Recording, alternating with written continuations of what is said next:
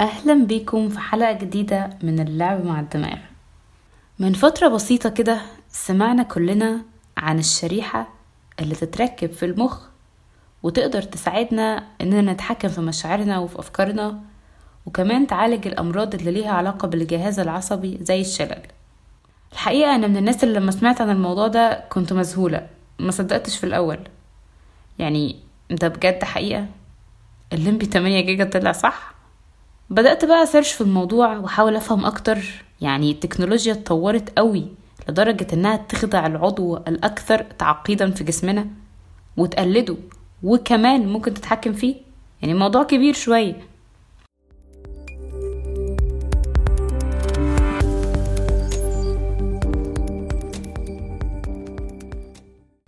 في حلقة من الحلقات اللي فاتت كانت بعنوان تصرفات تلقائية.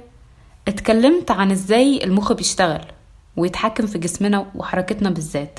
للتفكير. ده بيحصل لما إشارات عصبية تتنقل من خلية للتانية. الإشارات دي بتكون في شكل موجات كهربية وبسببها الأعصاب بتدي أوامر للعضلات إنها تتحرك. ولأن المخ فيه أكتر من خمسة وتمانين بليون خلية عصبية وكمان مع العلم إن كل حركة وكل رد فعل وكل إحساس بنحسه بيكون عنده الإشارات العصبية الخاصة بيه وكل إشارة ليها الطريق والخط اللي بتمشي فيه المختلف عن التانية كل ده. بس هدي مثال بسيط يوضح مدى التعقيد اللي إحنا بنتكلم فيه. لو أنت حركت إيدك اليمين الإشارات العصبية اللي مسؤولة عن الحركة دي هتدي إشارات وتاخد مسار مختلف تماما عن لو حركت إيدك الشمال حتى لو في نفس الاتجاه.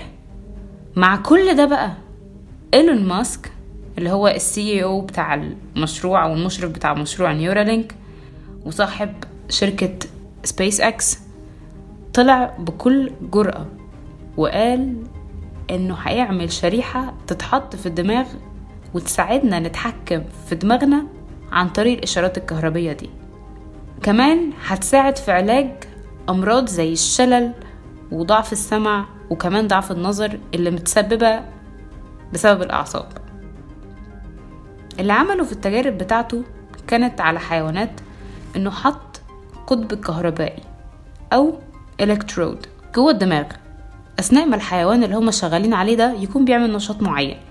وده شغلته إنه يسجل الإشارات الكهربية اللي بتحصل جوه المخ وبكده لو سجلوا كل نشاط هيعرفوا يجمعوا أغلب المعلومات عن الإشارات العصبية.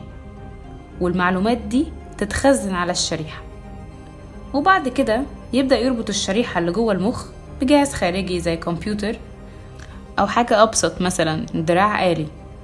لما تتحط الشريحة دي في الدماغ لو حد عنده شلل تبدأ تدي هي إشارات الحركة اللي اتعلمتها من المخ وتقدر تحرك بيها الدراع الآلي.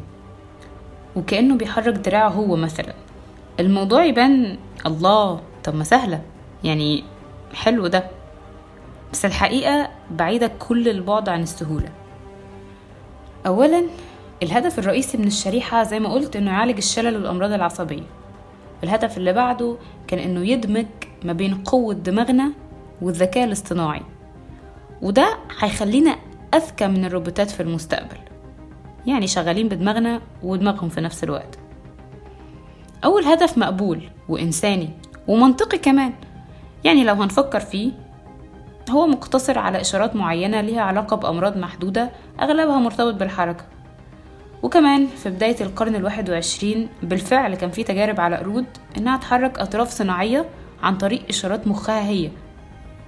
لكن الهدف التاني ده بقى إيه نظامه هو بيفكر إن الشريحة تكون متطورة أكتر عن كونها مجرد علاج وتبدأ تقرأ إشارات المخ وتترجمها وبكده تنظمها. ومن هنا يجي التحكم.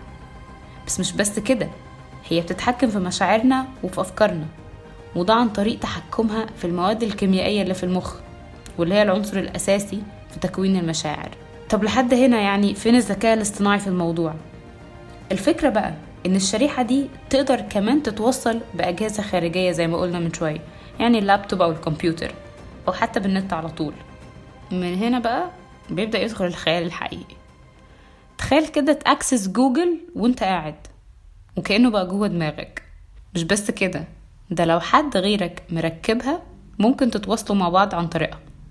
وبكده أنتوا بقيتوا زي الروبوتات بتتعامل بإشارات كهربائية وموجات متبادلة بس مع الحفاظ على هيئتك الإنسانية. اللطيف في الموضوع بقى إنها بتتركب جوه الدماغ يعني محدش شايفها ولا عارف إنها موجودة غير اللي مركبها. بس بتظهر هنا أسئلة كتيرة. يعني الموضوع برضو زي ما قلنا مش سهل. أول حاجة مثلا طب هو اللي هيركب الشريحة ده بما إن هي هتتوصل بأجهزة خارجية إيش ضمنوا إن ما يكونش في حد بيتحكم في الشريحة من بره. الشريحة اللي هي أصلا بتتحكم في دماغك.